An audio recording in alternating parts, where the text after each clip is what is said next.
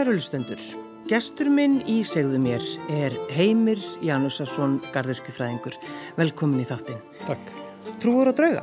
Nei, ég hef enga trú á draugum. Og hefur aldrei hugsað um það þegar þú gengur í gegnum Hólavallagarðin? Nei, en það væri það gífild vantrust á alla þessa presta sem er búin að blessa alla grafina fram og tilbaka að það væri eitthvað óhrind að sveimi þar sko. Já, já. Hvenar fóstu sjálfur að, að svona fara í göngutúra í Hólavallagarðin? Það var, ég bjóð, flutti, ég flutti frá Akranesi til Reykjavíkur 1980 og eitthvað sjö mm.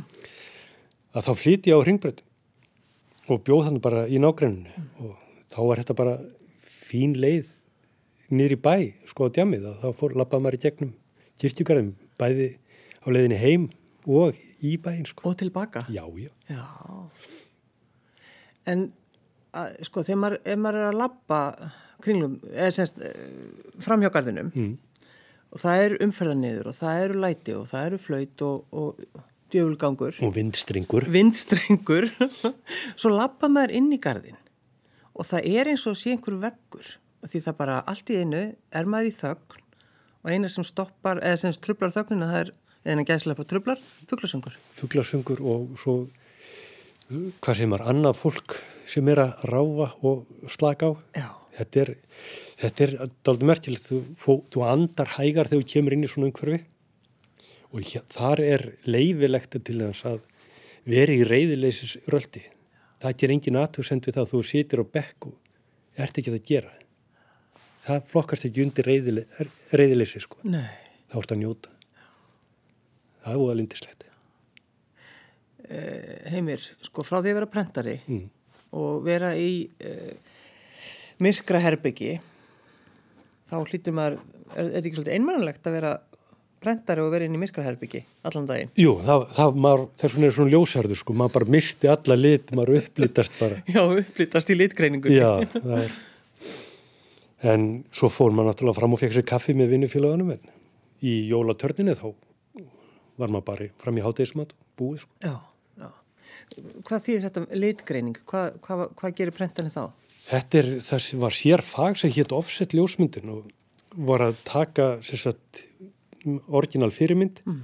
og svo eru teknir út með filterum maður setti þá inn í linsuna sko hvert lit fyrir sig sko og þú varst að ná bláa litnum og svo gula og svo rauða og svo svarta úr hverri mynd og þetta var allt gert bara í höndunum, við settum filterar í linsunu og tekinn mynd og svo næsta með öðrum filter. Og varst alveg lengi að pæla kannski einni mynd að finna rétt filter? Nei, nei, bara, það er alltaf sami filter en þú þurftir að finna rétta lýsingatíman og svoleið, sko, ná upp millitónum eða draga úr þeim og, og síðan að framkalla í bakka og með stækkunaglir og þá þurftum að rugga rætt eða hægt eftir hvað maður ætla að ná effekt út, sko. Já. Þá fikk maður brúnan hártopp því hári fór alltaf onni framkvöldunavögun og þá fattar maður til hvers augabrúnir eru. Akkurat. Þá rann framkvöldunavögun til hliðar. En eh, sko, var þetta eitthvað sem þú vildi fara í? Já, já.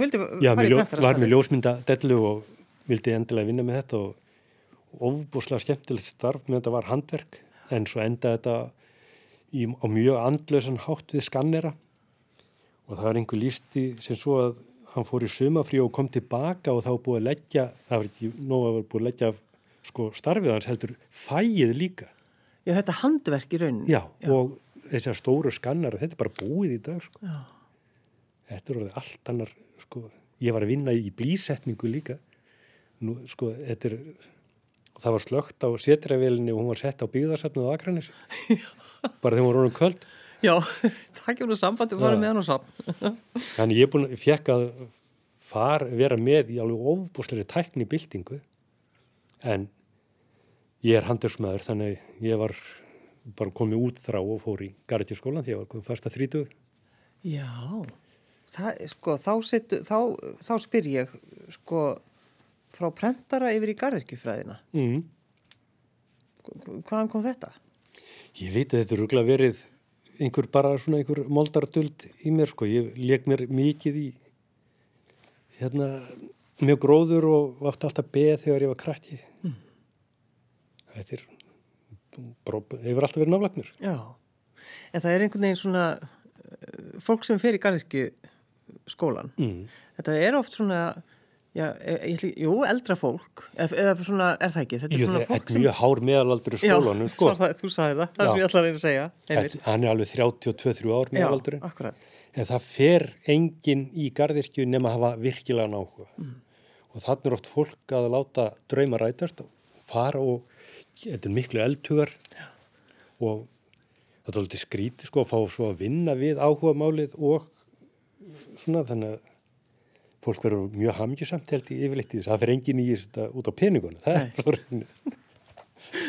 Þó að sé að einstakar með þess að geta gert góðan peningi í þessu sko. Já, já. Þannig að, að, að þú fer í þetta og, og, og, og, og hugsa hvað? Já, ég ætla að vinna við þetta. Já, já, hugsaði líka sem svo að uh, þetta væri svo einfalt, ég geti kæft mér bara hrífu og skóplu og geti svo fara að vinna, sjálfstæð, sko, að ná mér loknum. Já, En ég hef nú ekkert farið út í sjálfstæðan rekstur, sko. Nei. Ekki alveg kallin í það, sko. nei. En ég var, á námsárunum voru, hérna, gerði við allt umhverju ráðhúsins og Ingólfstorg, hústýragarðin, hellulagnir og grjótleðslur voru, sko, mínu æra og kýra á þessum tíma. Og þetta stendur ennþá og maður er óskum stoltur að lappa niður í bæ, sko, og sjá þessar, þessi mannvirki, Ertu, þá, þú þá ertu að tala um þess að grjótleðslu? Já. Akkurat, já. grjótleðslur og hellulagnir og annað, sko. já. Maður á þetta svona aðeins í hjarta sínu að þetta gerði ég. En þá ertu mitt að nota eins og notaðir þú varst að vinna sem prentari. Það er bara handverkið. handverk og horfa á línur og vera svona með næmni fyrir umhverfunu það er. Og þólinnmæði. Já og svo náttúrulega er þetta rosalega líkamlega erfitt. Það verður ekki tekið að manni að það. Þetta er puð, yfirleitt öll gardirkja. Já. Hvað sem eins og núna er fullt af gardirkjumönnum í þessu leiðindaveðri að þeir eru inn í gróðurhúsum að sá sumablúm. Hugsa á forréttindin eða prikla. Það sem er verið að sitja, þetta er indislegt þó þetta sé, þau er alltaf fullu sko, Já. en þú ert að horfa til sumar núna í þessu frosti, Já. Í myrkrinu. í myrkrinu. Þá ertu að hugsa um sumarblómin. og ert í hlýjum, rökum, gróðurhúsum að gera allt klárt. Þetta, þetta er pínu veruleika flótti en alveg indislega. Pínu veruleik og Já, flóti. Já. En uh, af hverju ferð að vinna í gamla, ég segi gamla, gamla kirkjugarðinu, það er náttúrulega nokkur nöfn sem eru jú. notuð. Sko ég byrjaði að vinna, ég nýbyrjaði hjá kirkigorðanum meila, sko ég er búin að vera þar í 26 ár og það er nú fjórir sem er vinnifélag mín sem er búin að vinna lengur en ég sko. En ég byrjaði í Fossaskarði og svo var ég fórstömmur í Guðvinneskarði í tíu ár og svo er ég búin að vera sex ár í Hólavallagarði og það var bara, ég fekk að, að þekkja garðin svona vel sem nágranni og þá fekk ég bara dellu fyrir hann. Já, þú meinar, það Já. er bara þannig. Já, og ég bað um flutning úr Guðunisgarði og fara í Hólavallagarð og fekk reynda námsleifi eitt vetur og fór í þjóðfræði og safnafræði og sótti mér verkfæri þanga til þess að nýta í garðirkju. Og þetta það sem kallað heritage gardening eða Já, svona menningar arfsgarðirkja, sko. En ég minna, verður ekki að hafa sakfræðin einhvern veginn á hreinu þegar þú lappar í gegnum garðin? Já, það er eins gott. Það það eins- hjálpar já. og svo ekki bara sakfræn heldur að geta lesið garð að, þú veist, þetta er grenitri þau koma eftir 50 þá veit maður það, aspirnar og allar sem dó í réttinu 63 og þetta er ímislegt svona. Steipan kemur inn í garðin á sama tíma og það fara að steipa húsi í Reykjavík.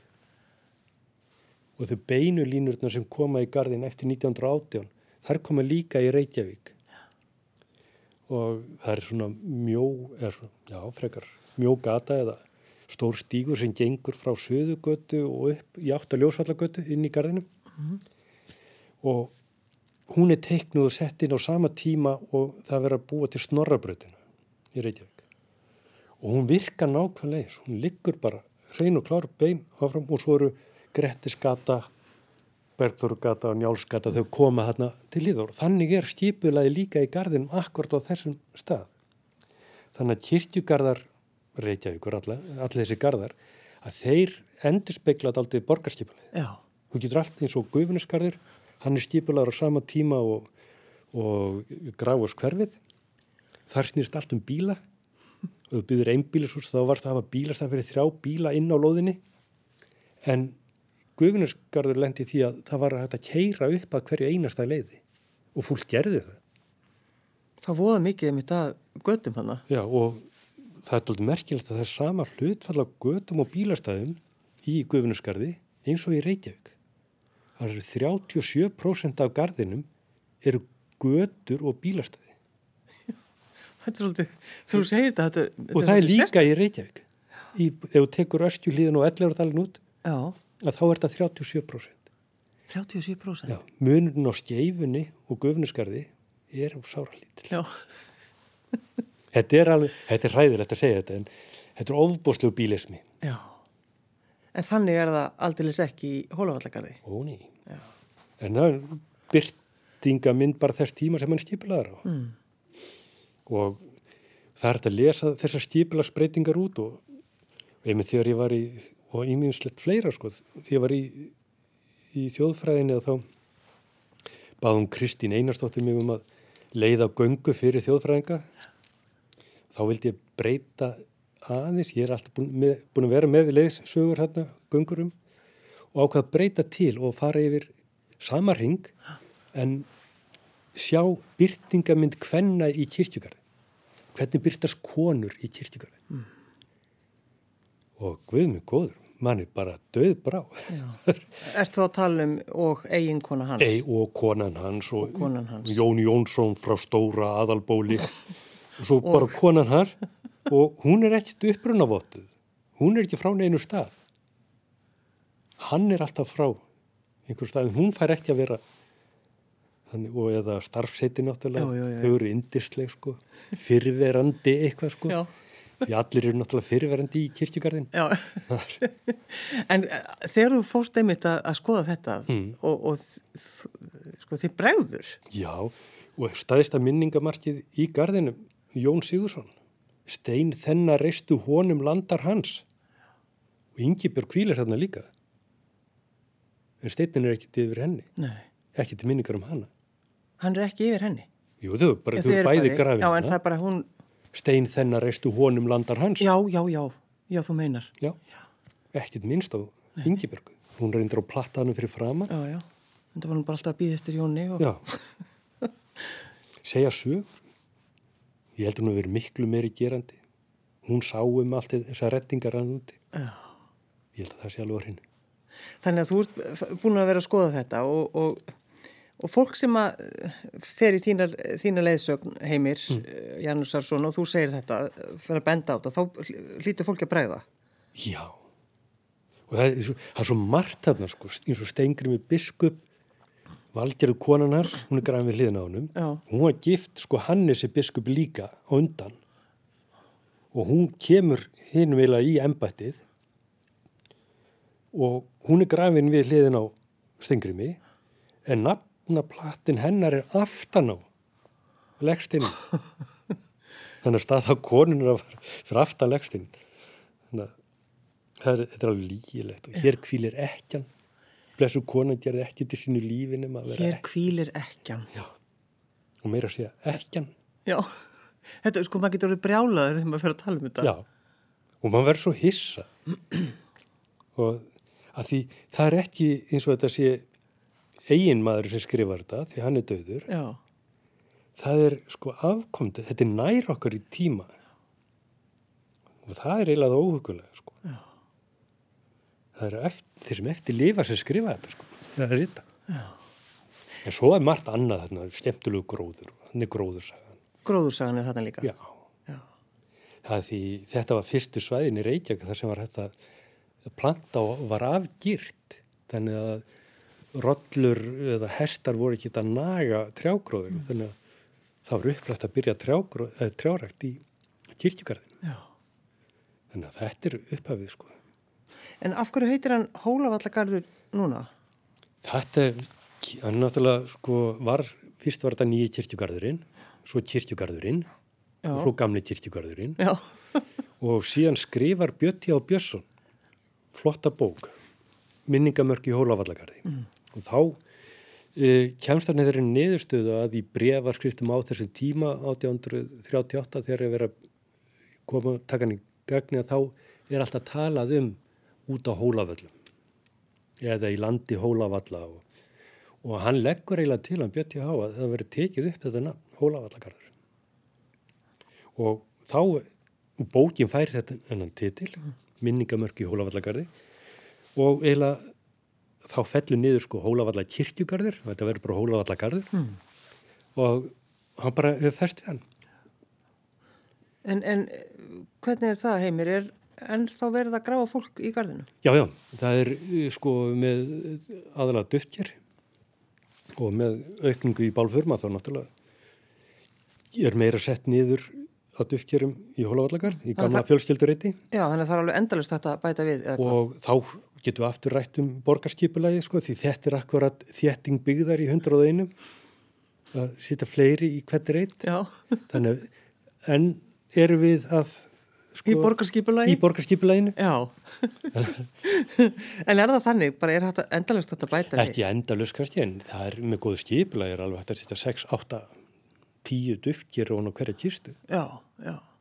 Erfiðast með merkinguna sko. Já, einmitt.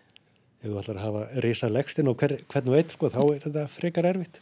En hvernig heimir er svona þitt daglega líf í kirkjugarðinu? Þetta er rosalega ástíða bundið sko. Núna í veturinn þá eru trjákleppingar og fellingar og... Og þetta er það sem þú ert að sjá um? Já. Já. Og svo er það náttúrulega að taka legsteina sem eru signir og skakkir og rétta þá við og, og fylla hann í síin leiði og svo er það að koma sko sumarstarfsmenn og þá er sláttur og hreinsun og útplöntun og blómum mm. og svo kemur höstuð og þá er hreinsun löfið og, og þetta er bara halda þessu opnu, snjó, móka snjó, hálkueðing. En að hún nefnir einmitt þetta sko síin leiði mm. og, og leggsteina sem svona eiginlega næstu liggja, mm. Eh, þið sko, er þá ykkar ábyrða að, að laga það eða hvað? Strámpil tekið er það leiðishafar eða aðstandendur sem eiga þetta, mm. en þeir eru komin 150 ár. þetta að finna? Get, já, getur orðið aldrei svona erfitt að finna rétt af hverjum sko. Já. En einhvern veginn, sko, í svona gardi, þá hugsa maður, já, það, það eiga að vera svona leiði. Já. Einhvern veginn sem eru bara, er einhver svona, er einhver spenna. Já, og við látum þetta þróast, sko, þegar eru orðinir hættulegir, þá réttum við þá. Já. Eða þeir eru brotnir. Nú eru komið svo góð lím, sko, það er þetta líma á, sko. Mm. Þannig að það er endalust þetta að finna sér verkefni, sko. En það er náttúrulega þannig að þú hlýtur að vita hvar það er skráð hvar fólk liggur, er, er það ekki? Jú, þetta er sko, ég held að sé talið að sé 14-15 þúrst manns grafnir hérna sko, en við erum með 9.000 nöfn. Já, þannig þið vitið ekki... Við vitum ekki um alla sem eru grafnir í upphafi sko frá 1838 fram til 1920 cirka. Ekki er alla sko. Er þeir þá undir þeim eh, einhverjum með það? Já, jafnvel eða einhver breytt úr sér með reytina yfir gamla reyti og, og þetta og hefur alltaf verið gert í kirkjökunni, það er alltaf grafnið, grafið í og aftur og aftur frægast að senan er úr Hamlet náttúrulega, grafara senan og að þar er verið að grafa í gamlan kirkjögarði eins og er alltaf gert og eins og er í Danmörku þá í Assistantgarðinu þá var lengi vel 21 ár gravarúin og þá mætti grafa aftur í garðin. 21 ár, það er ekkit mikið. Það er 7 ár á sumstæður í Sviss. Hæ? Og það að grafa aftur hún í reyta, þá er allt úr rótið nema höfukúpa og lærleggur. Já. Og þá er höfukúpa sett upp og svo lærleggur í kross. Þetta var gildist tákn grafara hérna í den, sko. Var svo setnum tákn fyrir dauðan eða eitur eða jafnvel stjórnmáluflokk. Jafnvel. Já, þannig að Þetta er komið úr kirkjugarðinu sko. Já, en hefur sko, á, áhuga á dauðanum? Nei. Nei, engan áhuga á dauðanum? Nei, nei, en, en það er kirkjugarðar fyrst og fremst gardirkjufyrirtæki sko. Við erum 11 gardirkjumenn sem vinnu hjá kirkjugarðinu Reykjavíkur mm. og fáum 80 sumarstarfsmenn að vinna í gardirkju sko. Já, um mitt. Og það er merkjöld að kirkjugarðar, þetta er ekki trúmála apparat sko. Þó þetta sé stipað sko fulltrúma úr öllum sóknum í Reykjavík sko. þá er þetta engin trúmál á starfsemi sko. Nei. Þannig að það er, þetta er, ég segi, þetta er góð garðirkju fyrirtæki. En er, ertu alveg vissum það, er ekki, er ekki reynd í garðinu? Ég, ég er bara með stilt á, Æ, kontu með einhverja sögu. nei, ekki á þessu. Ég, sem ég segi, það er, það er mikið líf í garðinu sko, nætulíf og daglíf líf að það Það þarf ekki drauga til. Nei, það Nei. þarf ekki pláss fyrir það. Nei.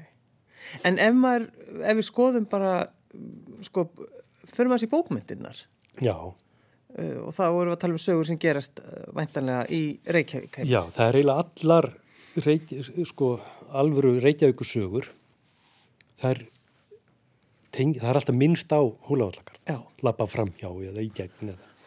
og þetta byrjar svo snemma sko, brekkukotsan að þá hleypur álgrimur upp í garð og syngur yfir hinnu við útvarir Þorbergur segir frá því ofvitunum þegar hann missi sveindómin og gera samning við frauguna mm. menn getum deilt um það þá frásögn í dag Erfið frásögn.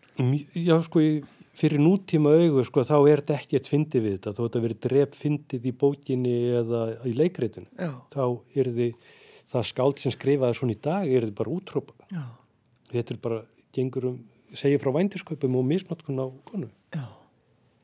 En svo eru, gerðu Kristni með úlingabókinu Garðin, auður afa, hún nánast minnist alltaf á gamla kirkjugarðin Já, í sínu bókum. í sínum bókum.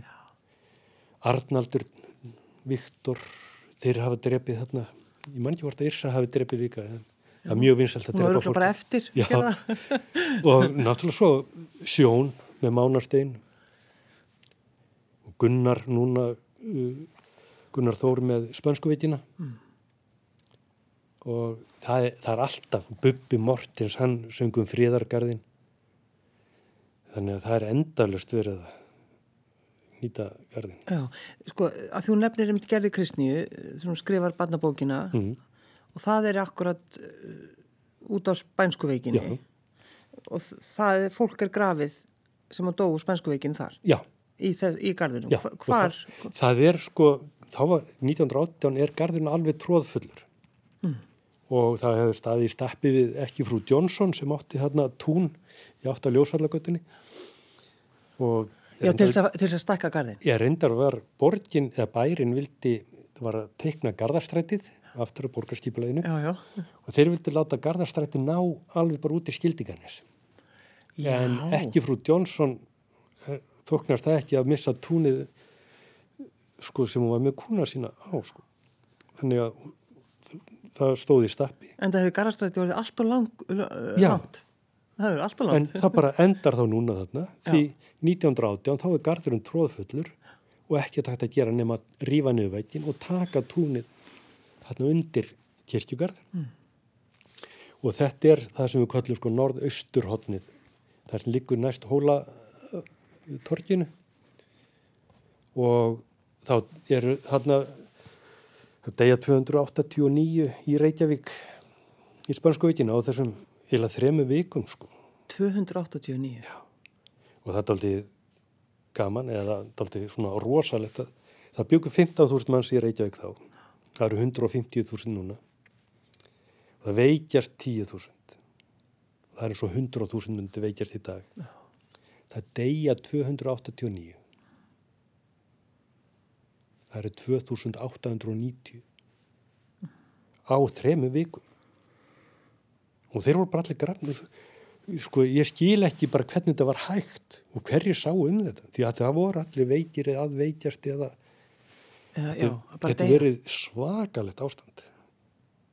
Og lappa um garðin í svona leiðsögn og það sem förum sko, stjórnmálasögunan fram að þeir eru hann skúli Tór og Hannes Hafstein og, og er að taka þátt í fullveldinu og þar byrjar frástæfiturinn mikli 1918 síðan verður sko jarðskjáltar og eldgós og, og Íslandsbanki hrinur og Spánska veitin kemur í nóvumber og fyrsta des lýsum við fullveldi talandi um veruleika flóta sko það, var, það voru öll kerfi hrunin en En fullveldi. fullveldi. Já, við, Og- við stöndum okkur. og gera þetta edru.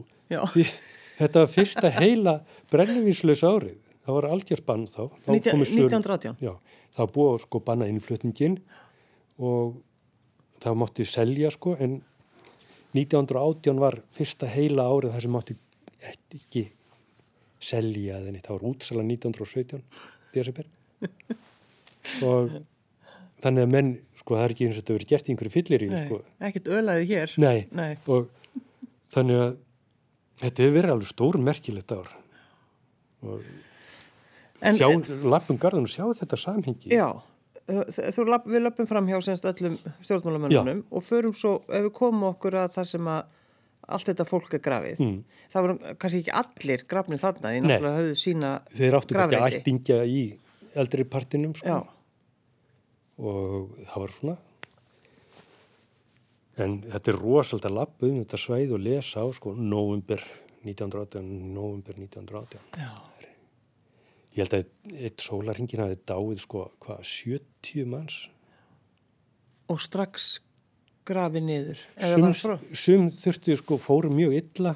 Það er sögð svo það uh, saga af henni Torfildu Holm jú, jú, að þegar hún deyrað og læknir kemur að og staðfestir að þá lætur hann setja hann strax í blikkkistu því það er fara að sjá svo strax á líkinu sko. og hún er grafin og það veit enginn hver hún er grafin það veit enginn. nei, hún er bara grafin Eru, eru þá semst, er, er þetta ekki mert? Nei. Maður- Það, þetta stendur bara hvað? Bara hvernig fólk deyr? Já, það til í kirkjubókun sko eða prestþjónustu bókun þá er sagt hver eru dánir og, Mm. en þarna er ekki ekkit númer og ekkit sagt hvar Þetta er einhvern veginn þegar maður fer, lappar þetta gegn og einmitt og fer á þetta svæði, það Mm. er svona, það fer um mann svolítið. Já, sem betur eigum við enn til samkend, sko. Já, Það er, sem ég segi það, að lappa um þessi sveið þar sem eru, sko, mislingafaraldrarnir og maður sér bara reytina bara í röðum, sko. á hvaða, hvaða ár var það? Það er hann eftir, rétt eftir spönskuvíkina. Já, þá komum mislingarnir eftir það. Ef einhver hefði mist af því, sko, þá bara... Já, einmitt. Og hvað þetta var, maður átt að skjá því hvað þetta var skelving uh, algengt til barnatöðu á Íslandi. Já, mislingarnir. Já, bara barnavíki og þetta var bara, og það er stutt síðan, sko. Það er rétt hundra ára. En það er, þegar maður stendur fyrir framann er, er að lappa í kirkjugarði og þá akkurat þegar maður les á legsteinuna Mm. og þá einmitt oft hugsa maður hvernig ætli líf þessa fólks hafi verið. Mm. Það er svona einhvern veginn pælingar, maður, maður fer að hugsa. Já, já, og sko það þarf líka svo lítið til þess að þú kemst í á tímarit.is og les dánartilkynninguna, þú strax komið með, já, það er hann elskuleg stjúpmóðir eða veist, þannig að þú getur, það er svo stutt og auðvelt að afla upplýsinga um fólki. Já, En svo er náttúrulega frægar, sko, eins og steinu frá sjöenda og svoleis. já, einmitt, hún er þarna. Hún er náttúrulega, loksins, hún var flutt á hún úr skólaveruhaldi þar sem hún hafi verið urðið. Hún var urðið þar og fólk átti kasta grjóti í leiðið. Segðu, segðu hans hlustendum út úr hverju hún var. Sko, hún, þau eru bú, búa tvíbíli á Rauðarsandi, Bjarni og Guðrún og Steinun og Jón. Og Jón maður uh, Steinunar, hann finnst sjóreikin, virðist hafa hrapa fyrir Björg og skömmur síðar þá deyr Guðrún kona Bjarna. Og svo fer að sjá sveitungarnir að, að steinun orðin ófrisk og þá fara eitthvað tunguri af stað og þau eru ákjærð fyrir að hafa drepið maka sín Já, einmitt. og þau eru dæmd seg og eru flutt sko í stjórnaráði dæmd í stjórnaráði eða það, það var fungilsið þá og fá svo loka dóm frá konginum og það er bara líflátt stómur og steinun deyr samdagur af áfallið einhverju og þar sem hún var sakakona þá var hún bara urðið upp í skólaverðarhaldi en Bjarni var sendur til Kristjasan og í Nóri og þar sem voru brotnar á hann lappir og hendur og svo hausin höggun af. Já, þannig En sko, þegar maður hugsaði myndi þetta, þetta er nú bara, eh, þetta var heila, heilan þátt í viðbútt í sambandi við þetta heimir, bara hugsaði ykkur, hugsaði fólki sem að gerði þetta bara kasta, kasta grjóti. Það átti sko Steinunum. að uh, tryggja að hún myndi ganga, ekki ganga Já, já, aftur akkurat, talandi um eða goða lukku fyrir þann sem kastaði. Já, skilur það ekki alveg. Ha, En hún er semst í eh, beinin hennar Já. liggja í gardinu. já, og komu þannig að þegar voru, voru að vinna við hafnagerðina voru að, þá voru hún orðin fyrir eina ferðin enn sko. Já, Og þá var allt vittlist sko, hvað ætti að gera við beinin, hvort það ætti að husla hann einhverstar annar staðar eða hún ætti að fá, fá upprist æru og alvöru útför sko því það er alveg merkilegt að barstreyndingar þeir trúa því að þau voru saglus. Já, Þeir eru að koma enn þetta bara í dag í dag. já. Kemur fólk frá Patrísfyrði eða barðarströndinu og bara þau voru saglus. Já, þetta var bara kert- lygi. Já, Já. og, og þau tala um þetta eins og gert bara milli, gert bara milli jól og COVID eða eitthvað bara svona stutt síðan sko. og þau voru saglus. Sko þessar tilfinningar Mm. sem að bærast þegar maður einmitt lappar inn í innan garð, öll þessi saga. Það er ekki skrítið að hafa farið í sakfræðin og þjóðfræðin á nú. Já, þessi, og svo er endalust hægt að sko. Svo er þetta að skoða frá svo mörg sko. Hvað með húmórin? Er þetta nota húmórin? Já, það er ekki hægt annað. Það er nefnilega svo þægilt að nota húmor í þessum bransa. Því þú þarf til að nota húmor til þess að fjarlægjast verkefni til þess að geta nálgast það. Að stíga eitt skref aftur, segja eitthvað hlægilegt og þannig að þú getur rætt um málið því auðvitað við að taka grafir og það eru barsgrafir eða eftir hörmulega slís og eitthvað sem við þekkjum öll sko. og þá er gott að geta en auðvitað er þessi húmor hann er bara inn í kaffistofunni en það hafa stundur sloppið út og það er ofta allt í lægi sko en við, þetta er mjög passað upp á það að það fer ekkert þetta er bara til innanhús Já. notkunar sko. Það fer ekki lengra. Nei, en það er eins og einn sumarstrák sem var hjá okkur, sko. Fekk að vera fram á veturinn, sko. Og hann, hún þótt að þetta aldrei merkjöld, gerði þetta aldrei breiðan og bent einhverju konu sem var að sinna leiði mannsins. Síns. Hörðu það banna að vera með hund hérna, sett hann í bíl. Og hún gerir það og spyr som strákin, af hverju banna vera með hund í kirkjugarði? Þá kom náttúrulega vöflur á drengin og, og það voru út af beinunum og konun fannst þetta svo rosalega fyndið að hún kom inn á skrift og sagði okkur frá þess Góður að svara. já, hann var einhvern veginn að kjafta sig út af þessu En eru við dugleg Íslendingar eða reykjökingar að- fá, fara í göngutúr, spá sér í gegnum hólavallagarð? það er, það er stöðu trafík í Hólavallagar, það er alveg, hann aldrei mannlus og fólk uh, sækir í hann bara sem andlega kvíld til að bekk eða rölda aðrir bara er að flytja sér í bæ. Uh, fara í bakarið og kaupa sér kaffi og rúnstikki og setjast og hafa það hugulagt Já, sittjast á bekk og Já. bara það er hugsa sitt. Já, og bara vera. Þetta er eins og, bara eins og í jókatíma, sko. Það er bara, Já, sitt, að, sitt í garðinum, já, í kirkjugarðinum, þetta er eins og jóka. þetta er eins og jóka. Já, Þetta er, ég fyrir mikið í jóka, og þannig að það, þetta er alveg sama hugsun. já, já, já. Ert bara með sjálfur og nýtur lífsins þar. Og ég held að þetta besti staðnum til þess að njóta lífs er í kirkjugarði. Að njóta lífsins í kirkjugarðinum. Já, það er, þú ert allan með ákveðin viðmið, sko. Þannig að það er voðalega notalegt. Er einhver, einhver tími sem þið vist svona skemmtilegast að, að, að vinna í garðinum, heimir? Svona ástími. Það hefur allt sinn sjarma sko, það er, þetta er aldrei erfitt núna náttúrulega, þetta er kallt og mikið baks að vera, að maður getur ekki látið neinn tré falla sko, maður verður að breyta niður bara í litlum pörtum og að því það er sko menningaverðmættin hérna í leggsteinum og það eru heilu listaverkin sko. Þannig að það er aldrei puð sko og þegar maður er konar þennan aldrei þá er maður ekki alveg svona virkur í það. En svo fyrir að voru og þú verður strax vörfið vorið þarna sko.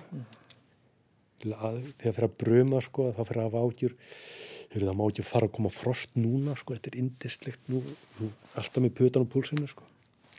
Ég ætlaði að leifa þér að velja lag, komið svolítið óvart. Jethro Tull. Já, það, gamalt og gott. Já, hvaða lag viltu að við spiljum í lókin? Mér finnst að ég að vera Songs from the Wood. Það eru fyrsta lagi sem, og fyrsta platan sem ég egnaðist með Death Row Tull. Og þá er ég ekki tvenna pæli garðirkju, sko. Heimir Janússon, garðirkju fræðingur, takk fyrir að koma. Takk fyrir mig. Let me bring you songs from the woods to make you feel much better than you could know. Better than you could Dust know. you down from tip to toe. Dust you down from tip to toe. Show you how the garden grows. Show you how the garden grows. Hold you steady as you go. Hold steady as you join the chorus if you can. It'll make of you an honest man. Let me bring you love from the fields. Poppies red and roses filled with summer rain. To heal the wound and still the pain that threatens again and again as you drag down every lover's lane life's long celebrations here. I'll toast you all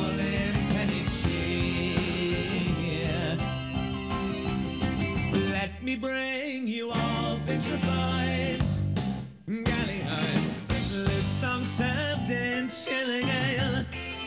Greetings, well met